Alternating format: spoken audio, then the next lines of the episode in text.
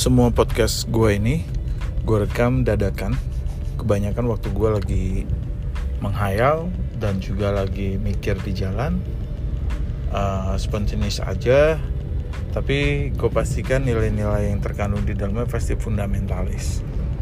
Karena gue suka dengan aliran itu. So selamat mendengarkan guys.